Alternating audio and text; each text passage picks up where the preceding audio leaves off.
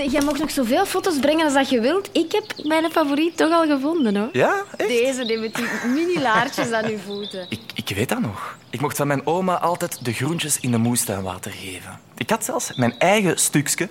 Ja, en daar moest ik helemaal alleen voor zorgen.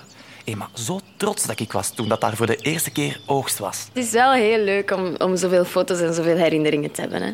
Ja, ik weet het. Mijn oma die moest echt alles op foto hebben. Bij elk klein ding dat ik deed, dan stond die daar. Met haar camera. En dan elke maand koos ze de beste foto's uit om naar Karin te sturen. Elke maand. Ja, je wilt echt niet weten hoeveel brieven dat wij geschreven hebben. Hoeveel tekeningen dat ik gemaakt heb. Voor mama. Terwijl ik dus geen idee had wie dat was. Hè. Ik snapte ook niet waarom we dat bleven doen. Er kwam toch nooit antwoord. Mijn moeder kon het maar niet loslaten. Hè. Ze bleef contact zoeken. Als ik er niet zo kwaad van werd, dan, dan zou ik bijna bewondering krijgen voor al die volharding. Om de maand viel er weer een brief op mijn deurmat. Met daarin allemaal foto's van een blond jongetje. Ik heb die foto's nooit goed bekeken. Durfde niet kijken of hij nog altijd zo op Steven leek. Mijn hart kon dat niet aan. Haar brieven las ik ook niet. Het ging niet. Voor mij bestonden ze niet. Ik zeg het, het was alles of niets. Ik stopte alles weg in een doos en ik ging verder met mijn leven. Ze moest mij met rust laten. Oh man, ik werd echt gek hè, van die brieven. Ik wou geen post uit een leven dat ik achter mij had gelaten en waarnaar ik nooit zou terugkeren. En mijn moeder hè, die maakte dat onnodig moeilijk.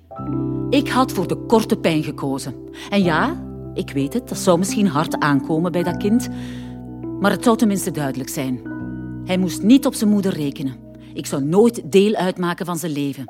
Hij zou niet beter weten en hij zou verder gaan. Maar zelfs dat verpestte mijn moeder.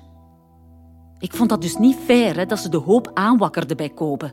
Dat ze verwachtingen creëerde die ik toch nooit zou inlossen. Ik wou hem juist behoeden voor zo'n soort teleurstelling. En die brieven, hè, die maakten mij nog om een andere reden boos. Honderden foto's heb ik doorheen de jaren gekregen. Honderden. Elk moment uit zijn leven leek ze vast te leggen. Tot nozelste eerst. En wel, hè. Ik kan me niet herinneren dat er foto's van mij bestaan als kind. Ja, buiten die typische portretjes die elk jaar op school getrokken werden. Voor foto's, hè, had mijn moeder geen tijd. Het werk ging altijd voor. En nu zag ze haar kans om dat goed te maken. En haalde ze al die gemiste momenten gewoon in bij Kobe. Cynisch.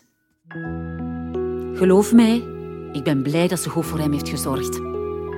Maar het piekte ook wel. Omdat ze er nooit is geweest voor mij. Ik kon perfect begrijpen dat ze zich schuldig voelde. Maar daar moest ze mij niet meer lastigvallen.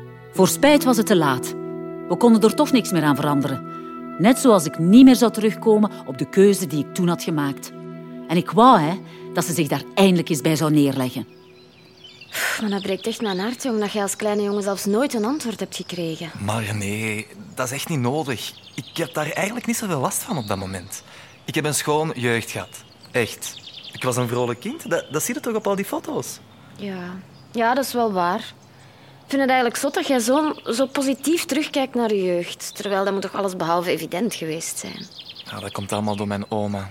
Echt, die was zo lief. Dat was echt de vrouw van mijn leven. Helemaal. Uh, tot ik u tegenkwam natuurlijk, hè, Pauline. Ah, dat is beter. Nee, maar echt, mijn oma, dat was zo'n fantastische vrouw. Die deed echt alles voor mij, hè. Ja, veel te veel eigenlijk. Ja, om, om de liefde die dat je moest missen te compenseren waarschijnlijk. Ja, dat heb ik achteraf ook beseft. Dus, Pauline, ik waarschuw u al, hè. Ik ga onze kinderen ook schandalig hard in de watten leggen. De foto's en de brieven die mijn moeder mij al die jaren stuurde, kon ik nogthans niet weggooien. Dat ging niet.